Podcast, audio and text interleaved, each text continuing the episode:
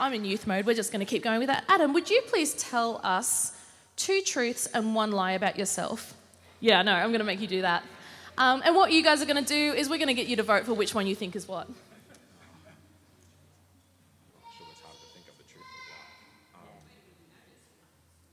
Cool. Adam's such an honest man, he can't think of anything. Okay. You got it? Okay, two truths and a lie. Um, I have visited Hawaii three different times. I speak Mandarin Chinese and I teach primary school. Okay. Which one's the lie?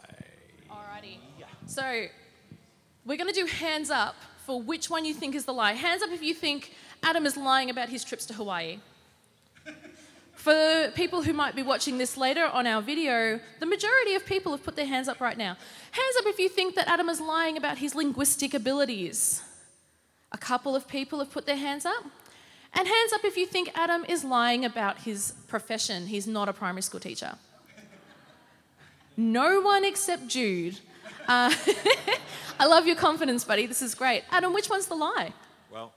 Well, 我会说中文，可是我没去过 Hawaii 呢。I, I have not been to Hawaii ever. Uh, so, yeah. Yeah. so that's it. Fun little game. Yes, you can do that. That's probably better. Yeah. Awesome. We just want people to know a bit about you. So, Father God, we thank you for Adam. We thank you for what you have put on his heart and what you have prepared for us to hear. God, help us have our listening ears on.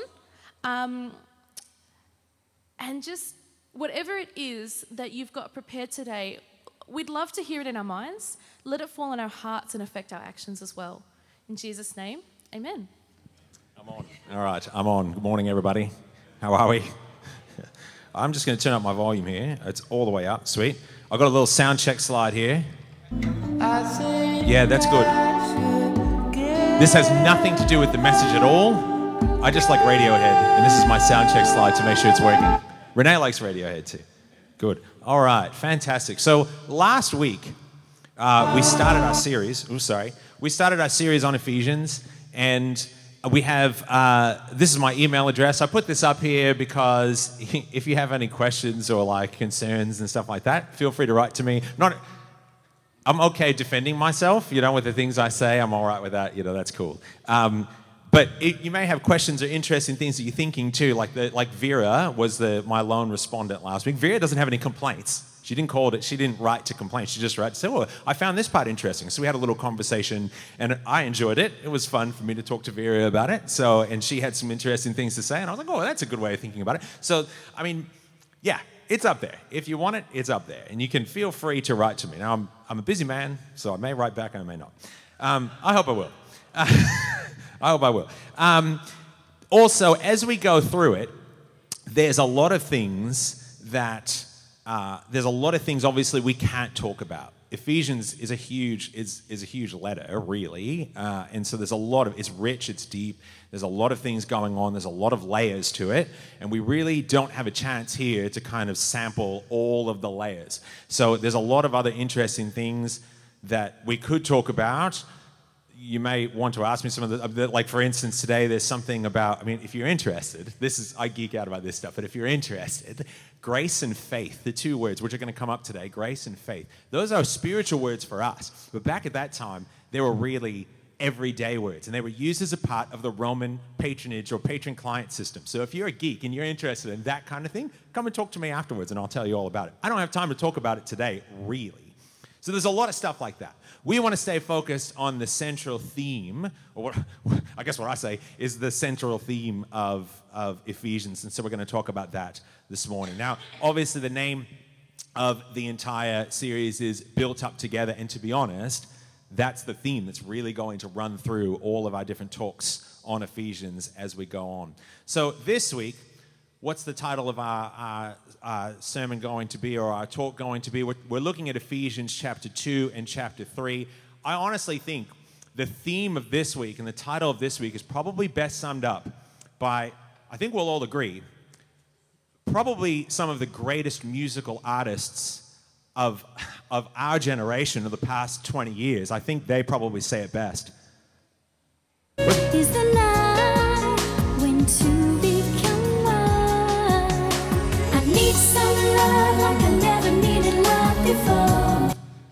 Two become one.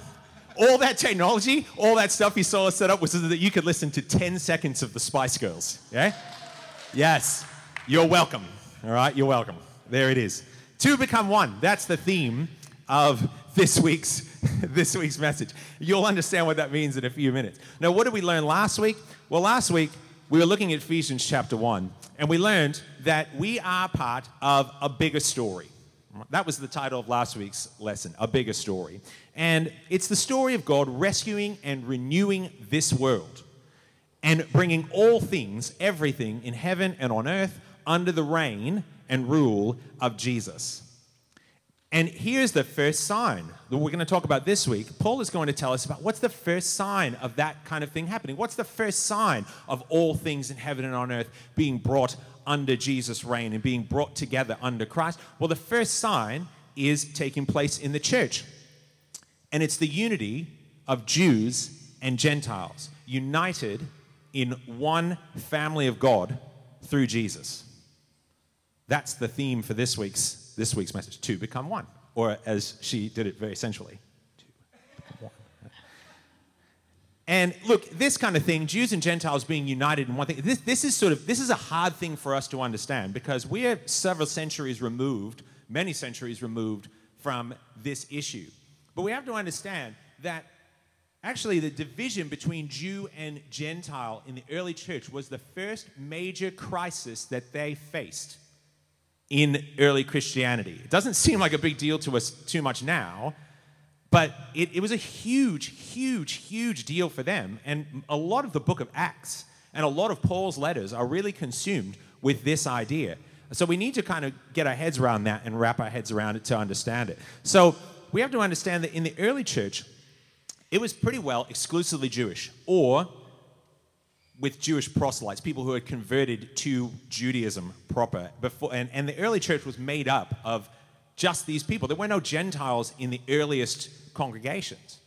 And so there was a real question early on, this seems strange, but there was a real question whether the gospel should even go out and be proclaimed to Gentiles at all, people like us. Right? There was a question as to whether this should even happen. And of course, what happened was that the Spirit of Jesus went out sort of ahead of the early church was sort of deliberating about well, what are we supposed to do? Are we supposed to preach to these people? Are we supposed to talk to them? The Spirit went out ahead of them. A good example is Peter's uh, visit to Cornelius, and he's preaching. He's in the middle of preaching, and they all start speaking in tongues, right? Before he even gets a chance to baptize them or anything. And so the Spirit beats them to the beats the early church basically to the punch and draws the Gentiles into the family of God.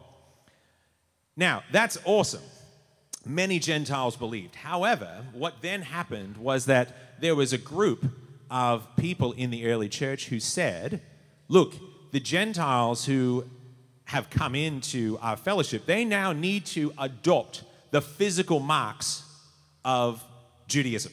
They need to become essentially ethnically Jewish. Now, boys, this is where you're going to squirm a little bit, right? What are the marks, the physical marks of Judaism? Well, of course, they said these people who come in, these males who come in at least, they need to be circumcised, right? They need to adopt these Jewish physical traits.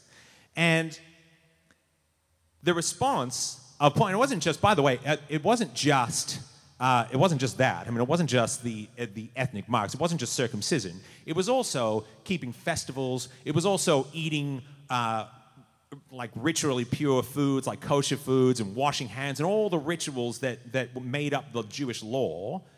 These people said, hey, Gentiles who come in, they need to follow this because we're all Jews. They need to be like us.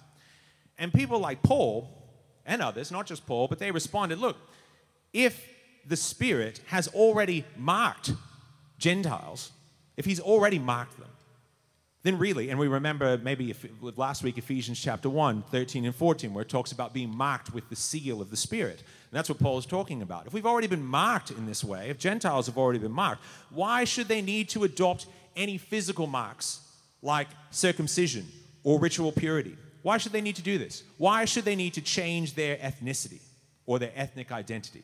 Paul said, no, they do not need to do that. And so he's talking about this new family of God, a brand new family, this new thing that God is doing. This union of Jew and Gentile, as we said, it consumes so much of Paul's writing. This is what Romans is about. This is what Galatians is about. This is what this section and a major section of Ephesians is all about. It's really about how to become one, as Baby Spice told us. I'll, i can show you that again later if you want. Everybody's keen, I can tell. Everyone's keen. But in order for this to happen, in order for this union of Jew and Gentile to take place, first God needs to mount a rescue operation. And the first part of chapter of Ephesians chapter 2 here is about the rescue operation that God is going to mount. So, if you or has mounted, I shouldn't say not going to mount, he's already done it. If you have a device or Bibles and, and you want to sort of turn to that, Ephesians chapter 2, I'm just going to start in verse 1. I'm going to read all the way down to verse 10 and it says this You were dead through the trespasses and sins in which you once lived, following the course of this world, following the ruler of the power of the air, the Spirit that is now at work among those who are disobedient.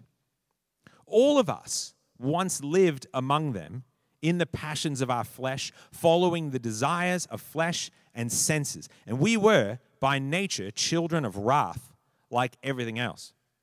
But God, who is rich in mercy, out of the great love with which He loved us, even when we were dead through our trespasses, made us alive together with Christ. By grace you have been saved.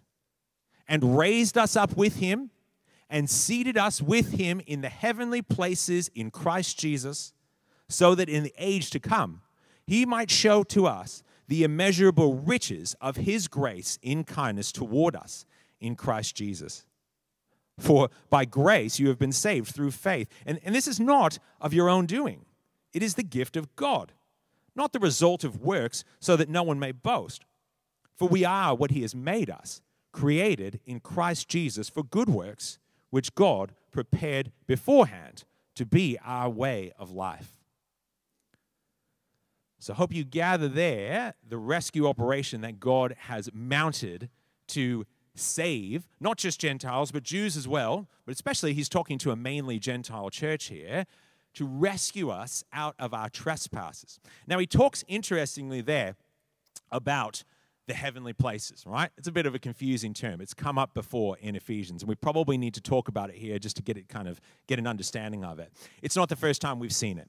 So, what's happening here? Well, we have to understand people in the Greek world, in the Roman Greek world, they believed in multiple levels of heaven. Seems pretty odd to us, but there were these multiple levels of heavens. For instance, one of the higher realms, like the highest heaven or the higher heaven, was sort of the realm of national spirits, like big the big guys, right? The the national level deities that were worshipped. So that was sort of a higher realm, and then in the lowest realm, the lowest realm was called the air. That was how they referred to it. And this was the realm of day to day spirits that influenced day to day action and day to day thought. And th- this was really the realm that people were probably most concerned about because it affected your everyday life. And so Paul speaks to his readers here about once following the ways of, he says, the ruler of the power of the air, along with the rest of the world. Right? Now, obviously, Paul certainly has in mind the accuser, the Satan, and that's what's in his mind, obviously, when he talks about the ruler of the power of the air. And I should say, a bit of a side note here we need to be very careful when we read passages like this that we have to understand, and this is difficult, bear with me. Paul is using the language and understanding of the people he is writing to to tell this story, right? He is using their words, he is using their understanding, he is using their language. We should not, and I, I know this is this can be difficult, we should be very careful before we take a passage like this and assume that it is just a document of exactly how reality works. Right? We do not know, we really do not know how the spiritual realm is structured. And just because Paul is saying these things does not necessarily mean, I know, I, I know some of, I, I, this is hard, I get it, this is hard. So if you have questions about this, please ask me. But we should not just assume that Paul is giving us a breakdown of exactly what reality looks like, exactly what spiritual reality looks like. He is talking in the language of the time, and he is talking in the understanding of the time. Does, does that make sense? That's, that's a bit difficult. I, I get it. I, I really do understand that. Um, he, you know, and maybe he's right. Who knows? he, could, he could be. Um, but I, I just want to. I just wanted to put that out there a little bit. So God's rescue operation was to lift us or raise us, as he says, raise us with Christ above these spiritual powers, right? And seated with Christ in the heavenly places. That's what it means. We're raised above these spiritual powers. Now, what's not being said here, what's not being said is that we can, Paul doesn't mean that we can go bossing spirits around. A lot of people read this passage and that's what they think. Oh, we can now give orders and tell them what to do. That, that might be true, but that's not the point that he's making. The point that he is making is that now we have been raised above their influence. We are no longer under the influence of cultural forces like nationalism and, and, and that sort of major spiritual or cultural influence and civic religion, that kind of stuff. And most importantly, we are not under the influence of these lower level spirits who influence, as Paul says, the passions of our flesh or the desires of the senses. We are raised beyond those. We're no longer subject to those. We don't have to live like that anymore. And that's what Paul is saying here. In other words, we are free from destruction and sin that these spiritual forces cause. And as he says, the rescue operation takes place by grace through faith. We are rescued by grace through faith. Now, this is important because since the Reformation, maybe even a little bit before that, but since the Reformation especially, so many Christians have sort of seen this, grace and faith, as the end goal, the end in itself. In other words, like this is the centerpiece, this is apparently, supposedly, the centerpiece of Paul's theology. God's entire way of doing things in the world by grace through faith is really all about us. Right? His whole the whole purpose is to save us and we're, the, we're basically the end goal of everything. And that's not really accurate. And that's not what Paul is, is saying here. We have to understand grace and faith is always, always, always in Paul, always a part of a larger argument. Grace and faith is not Paul's main argument. Rescued by grace through faith is not the end, it is the means to the end. And so let's talk about what that end actually is. The real centerpiece of Paul's theology is actually the new family of God.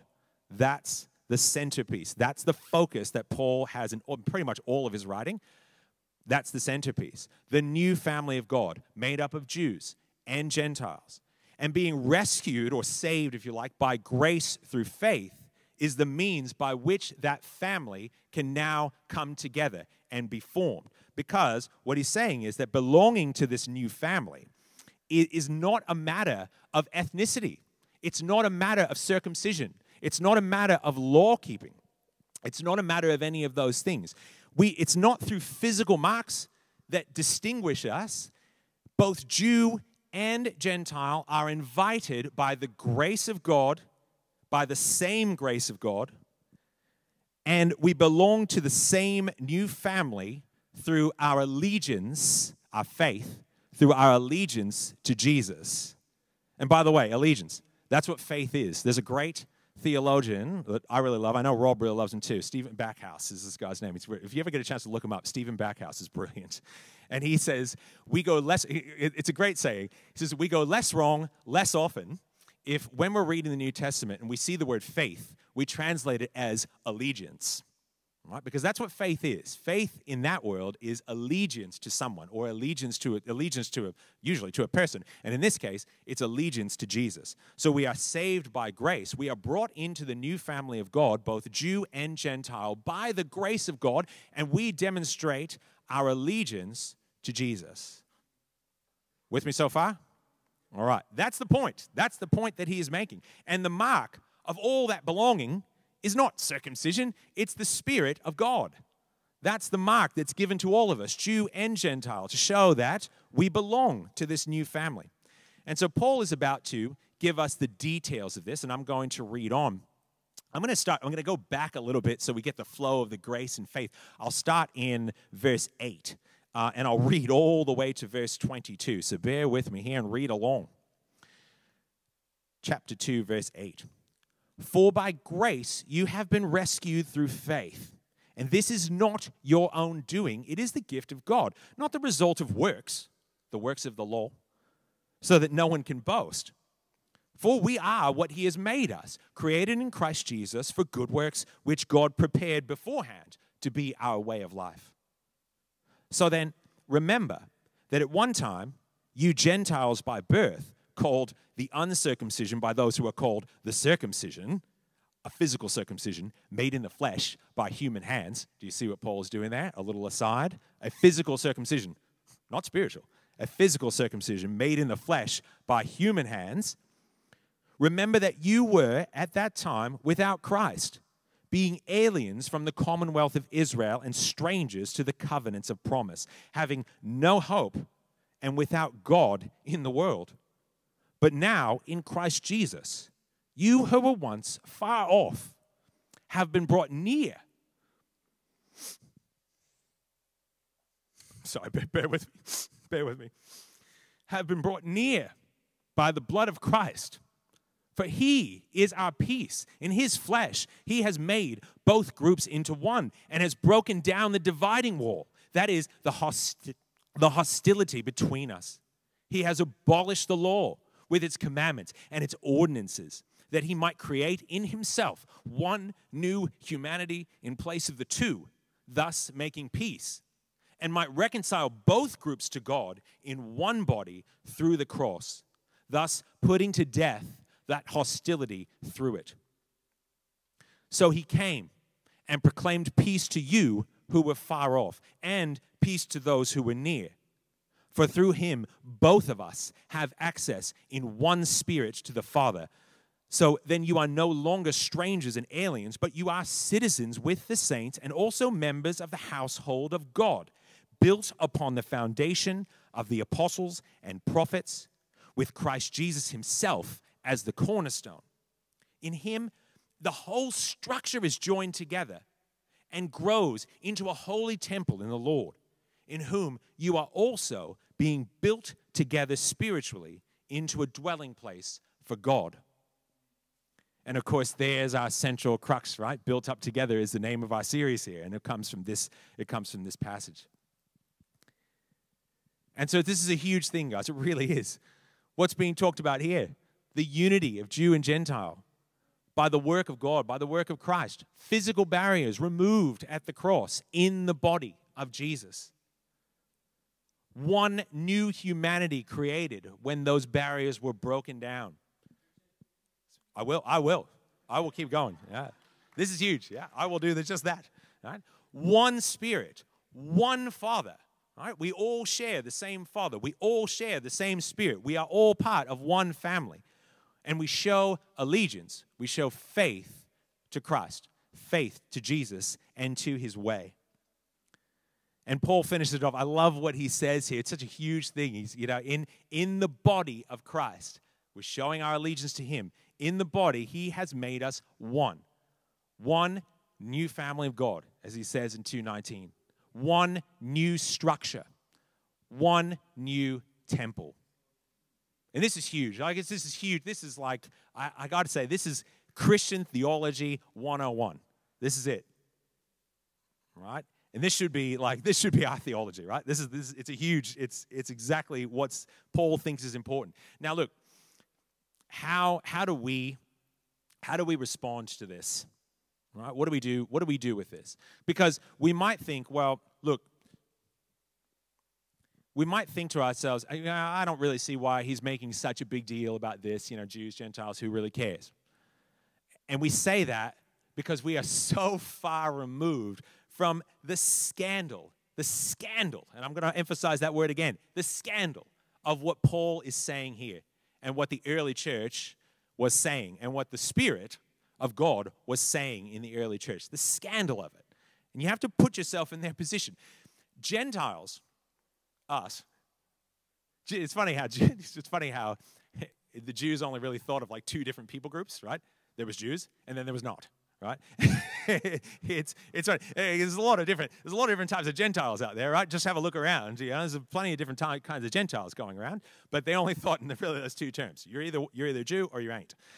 Uh, so it's a huge thing. Gentiles had persecuted Jews, persecuted them strongly. They had overrun the land. They had exiled the Jews to Babylon and to Assyria and to all kinds of other places. And they were right now in the midst, at, at the time when this letter was being written, in the time of Jesus, in the time of the early church, Rome had overrun, like the Gentiles, the, the worst kind of Gentiles there were, had overrun Israel, and they were in control. And they were, I mean, essentially, they were overlords. I mean, they were terrible, terrible overlords. They were militaristic, they were brutal, they were violent. And, and really, the only thing that Jews had to hold on to during these times of struggle was their status as God's people. And, that status that was ident- that, that sort of the, the, the, bits of them that marked them out, their law keeping and their circumcision and their ritual purity and their, their kosher laws, the things that set them apart. Do you ever see like the Pharisees? Do you know why the Pharisees in Jesus' time were so into Jesus and why they, took, they why they always wanted a piece of him. The Pharisees were not just a lot of people think the Pharisees oh they're just big legalists that's all. No, no, no, no, no, no. The Pharisees were strict, strict what would I say? Purists. Yeah, good. I like that word. They were ethnic purists. That's what the Pharisees were. Ethnic purists. Do you notice the things that they get on Jesus about? Sabbath, food, washing hands, those are the three main things. Because those are the things that identify a Jewish person from a non Jewish person. And if we stop doing those, if we don't consider the Sabbath important, if we don't consider the purity laws important, if we don't consider keeping the law important, then what are we? We have no more identity as Jews anymore. That's what the Pharisees were on about. That's a side note. Sorry, I shouldn't have gone off in that tangent, but I was getting carried away. so we had to, again, the scandal of things. I was talking about the scandal. It's all part of the scandal, isn't it? And, and so, Jews, this is what they had. They had the law, they had circumcision, they had these things that they were clinging on to. This is our identity as God's people. We're eventually we're going to be redeemed. The age to come, all of those righteous Jews like us who have kept the law, who have done all of these things, we're going to share in the age to come. And this is what we have. And now, people like Paul is, are saying that Gentiles can all of a sudden come in at the 11th hour without doing any of those things and can be part of God's family without doing any of those things and can participate in the age to come without doing any of those things simply as a matter of God's grace and the Spirit. And, and we have to imagine It's just, just the grace of God and just allegiance to Jesus is, is all we think these people need. Like, we have to understand, I think, how ridiculously unjust and unfair and insulting that must have sounded to them at that time. We can, I think, if we really think about it, we can picture how, how terrible that must have sounded. That's not fair. That's not fair. And yet, that's what Paul is preaching. And we have to remember, Paul is in prison for this. He's in prison for this. And he says that in chapter 3. We're doing two chapters today, so I'm sort of running through, like I said, I'll kind of run through as quick as I can. But if you join me here in chapter 3, verse 1, I'm going to read up to 13. This is the reason, this unity between Jew and Gentile, this is the reason that I, Paul, am a prisoner for Christ Jesus for the sake of you, Gentiles. For surely you have heard already of the commission of God's grace that was given me for you, and how the mystery was made known to me by revelation, as I wrote above in a few words, a reading of which will enable you to perceive my understanding of the mystery of Christ. In former generations, this mystery was not made known to humankind, as it has now been revealed to his holy apostles and prophets by the Spirit. That is, the Gentiles have become fellow heirs, members of the same body, and sharers in the promise in Christ Jesus through the gospel. That's the gospel. Of this gospel, I became a servant according to the gift of God's grace that was given me by the working of his power. Although I am the very least of all the saints. This grace was given to me to bring to the Gentiles the news of the boundless riches of Christ and to make everyone see what is the plan of the mystery hidden for ages in God who created all things, so that through the church, the wisdom of God in its rich variety might now be made known to the rulers and authorities in the heavenly places. This was in accordance with the eternal purpose that he carried out in Christ Jesus our Lord, in whom we have access to God in boldness and confidence through faith in Him. I pray, therefore, that you may not lose heart over my sufferings for you. They are your glory. Now, we might hear that. We still might think to ourselves, all right, that's great, but hey, what's that got to do with me? Right, what is that? What, what I mean, this doesn't really, this Jew Gentile thing really doesn't apply to us, us too much, does it? I don't know, doesn't it? I, I mean, really, what are the divisions that we construct in the church? Here's where it gets a little dangerous and difficult to talk about. What are the divisions that we construct within the family of God to exclude people or to rank them? Socioeconomic divisions, racial divisions. We don't like to think we do that, but I will guarantee you that that happens. That, well, you know it happens, right? We know it happens. We know we do it. Where I come from, there's a lot of that going around, and there has been for generations and generations and generations, right? Black Christians, vibrant, vibrant Christianity, but treated as sort of lower ranked. Why? For no other reason than they just didn't have the right skin color. Ridiculous. But we've done that. The church, we have done that. Theological divisions. Now, we know we do that. yeah? We know we do that. Political divisions, moral divisions. We also know we do that. You know, if, if you don't think such and such about this issue, then you're not one of us. If you don't vote for this particular party, you're not one of us. If you don't think this way, blah, blah, blah, blah, blah. Mm. Gender divisions. Oh, oh. Get ready to square them, gentlemen. Gender, gender divisions, right? You know, the men get to do the real work. I mean, I'm, this is, I'm, I'm up here preaching. I feel like I'm, I'm going to carry it. Uh, the men get to do the real work in church, right? And the women just get to, oh, they get to organize a social calendar. Uh, do we do that? Yes, we have. Historically, we definitely have. And, and I, I know, guys, these are tough things to bring up. And these are, these are difficult questions. But if we are not willing to ask ourselves these troubling questions of ourselves, then we go nowhere. And so we have to keep these questions in front of us. It starts by it starts by admitting that we haven't gotten it right. It really does. It starts by admitting that we have done this. It starts by I think confession precedes repentance. And I like what I'm seeing. I'll say I like what I'm seeing around the world in some parts of the church. There's a lot of there's a, a great effort, I think, to confess our sins um, particularly with respect to division, particularly with respect to racism, cultural superiority, all of that kind of stuff. I think that there's a, a movement of people who are very being very persistent in calling for repentance and calling for confession on those things. Uh, and, and we should participate in that. We should be willing to ask ourselves these very difficult questions.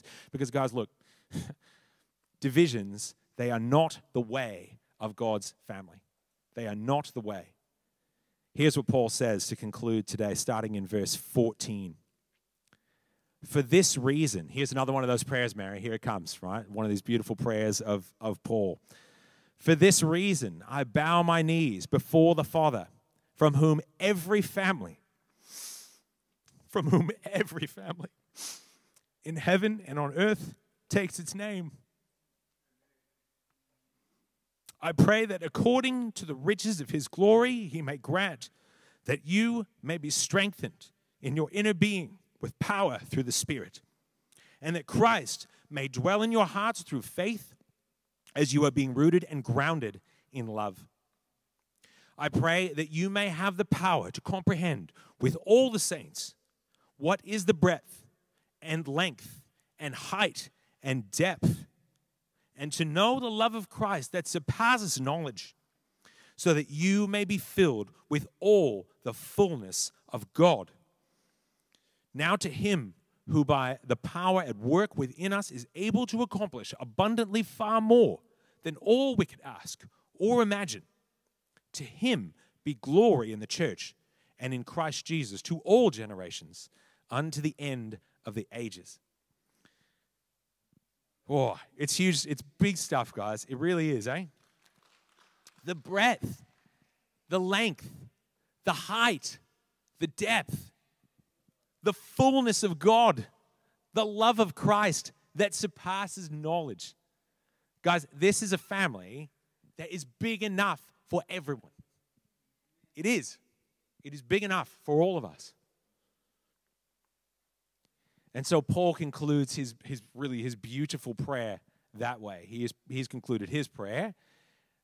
I, I grabbed I actually grabbed a prayer from it comes from the book of, it comes from the book of common prayer if I'm not mistaken I think never trust the internet these days but I think it comes to the the book of common prayer if it doesn't who cares it's a beautiful prayer of unity and if it's okay, I'd like us to actually pray it together. Here it comes on the screen. Um, if you wouldn't mind, could I actually get you to stand up? And I, what I'll do is I'll read, I'll sort of read parts of it. And if you could repeat after me, is that okay? Sort of a responsive kind of reading. And so I'll begin. O God, the Father of our Lord Jesus Christ, our only Savior, the Prince of Peace. Give us grace seriously to lay to heart the great dangers we are in by our unhappy division. Take away all hatred and prejudice and whatever else may hinder us from godly union and concord.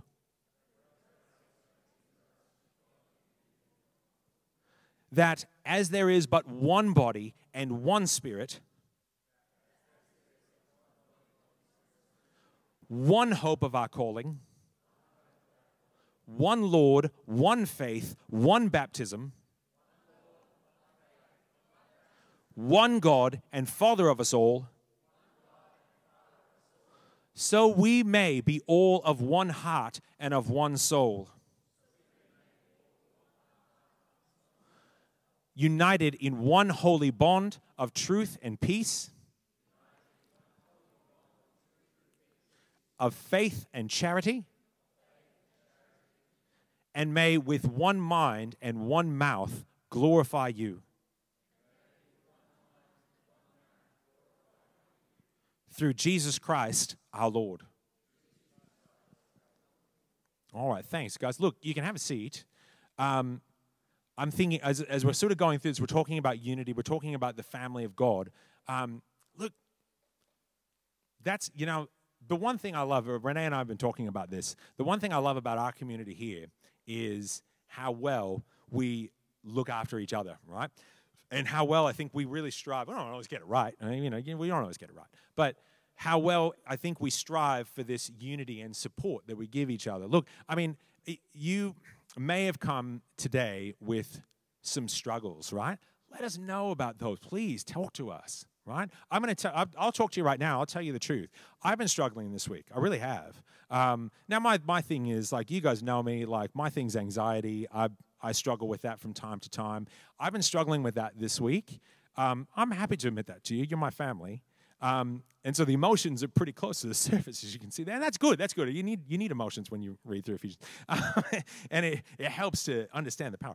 Um, but what I think has been a beautiful thing is I've sort of struggled, like as I share with people, they they come in support and and like I shared with Di a bit this week, and she she wrote back some things of support, and she had been praying for me, and I realized through what she said to me that God was already way ahead, and he was he was in front of the situation as I showed. I mean, I was you know you kind of you know that, don't you? But you don't always know it. Um, and he was ahead of that situation. He understands and he's present and he's with me in, in, in struggles and, and strife and all kinds of things that don't feel nice, but probably aren't really that dangerous. Um, but he's there. And if Di hadn't kind of come back to me and shown that unity that we've been talking about this morning, then yeah, look, I, I, never, I probably wouldn't have known that. I probably wouldn't have recognized it. There have been other things that have happened. You know, people just people have drawn together around me, and I've seen it before, and you have probably seen that before from this group. And so, if if you're here this morning and you're, I mean, you know, it may not be, this probably not the same as my thing, but if you have any, if you if you're struggling with stuff, right, physical stuff, mental, emotional stuff, just life stuff. You know, life's life's tricky. It's tricky, right? It is. If you're struggling with any of that stuff, you need physical healing, you need emotional healing, you need you just need somebody to talk to, right? That, well, that's what we're here for. That's why we're here. We're here for that, right? We're here to join with each other. We're here to help each other. We're here to talk to each other, right? And it's not like it's not we're going to solve all your problems for you, right? You're not going to solve my, all my problems for me, but it's it's good that we're together in it. We're walking together in it, right? Does that make sense? Is that is that is that cool to say? Yeah. Um, so please, please, please share with us. Like really share with us. Can I ask can, can I ask you to do this for me? Can I ask you to just, just close your eyes? And I'm just going to pray. God, you know, I'm getting, I'm getting really, it's good because I'm getting really passionate about this unity stuff, God. And, and uh, I hope that we're all kind of getting passionate about it because you, you have called us together as one family. You have called us together whatever our background, right? Whatever, whatever, and, and it's not just, I mean, this is like our little, our little enclave of the family, but we're part of a bigger family. Like we're part of your family around the world, and you've called us all together to support each other as best we can. And here we are. Uh, and and, and this is this is what we're here for. We're here to we're here to be this family, and we want to be this family. We want to act like a family. And a family helps each other and a family supports each other and a family listens to each other and so we just ask right now, God, that in this moment, that you would bring us even closer together. Now, what I want to ask, as you're sitting there and, and sort of having a, a think and maybe a talk with God, is if you're having any, if you anything, guys, any sort of struggle, anything you need to talk about, anything you need to get out, right? Anything you need prayer for, not just prayer. Maybe you just, maybe you just need to spill it. You know, maybe you just need to. You just need to open up and blah, just let it go. Sometimes we need that, yeah? And that's cool. Like, we're not going to judge you for that because we, like, we, that's, we do that. We have to do that, right? We're all a family together. So families aren't going to judge each other. We're going to listen to you. We're going to help. We're going to do what we can. We're going to pray for you. We're going to talk to you. And so if you're in that place, if you're in that place and you have the courage, and I, I, I know it, it, it's hard. It's really, it is hard to put yourself out there like this. But if you're in that place, I just want you, if you could, just slip up your hand and, and we're going to get some people to talk to you if that's okay. All right, it's okay if you're not. It's all right. Yep. Yep. All right. Yep. Yep, absolutely. All right. Can I, if you raise your hand, look, I'm, this is this is where it gets hard, and I'm going to apologize. Just, but this is just to make it easier for us to help. Um, if you have raised your hand, would you mind? And I'll try to remember who you were if you, if you don't feel comfortable with this, but would you mind, if you can, standing up and and and we can get and people can look and see where you are and we can gather around you a bit. Um, if you don't feel comfortable with that that's cool. I will, well, you can keep your hand up and we'll we will find you. That's all right. We'll do that. All right look yeah okay. All right look family um, have let's have a look around. There's there's plenty of people standing up. Let's like and, and guys, there's no there's no if you're standing up, like there's no rules to this thing. If you just want to you just want to you just want to go for it, you know, you just want to you just want to spill it. That's all right. That is cool. That is perfectly cool. Can I get can I get anybody can some can I get some people over here for uh yeah. I just want to encourage everyone else who may not have felt a need in responding to the invitation Adam's given this morning, and you're okay with that, and you might even feel there's enough other people praying. What, what we really are committed to is something that John Wimber said about everybody gets to play. And so maybe if some of this is new to you, I'd still want to say feel free just to stand up and go and listen in on some of the prayer that's happening just now. Um, we're just looking to sort of find as much engagement as we can in following what the Spirit is doing. And, and this is the way we get familiar with it, the way we learn. So if you're good with that, I just encourage you to uh, step in as well. And it's a whole body, whole family ministry that's involved here. There aren't any experts, only Jesus. And so we're looking to Him to just come and minister His good graces right now.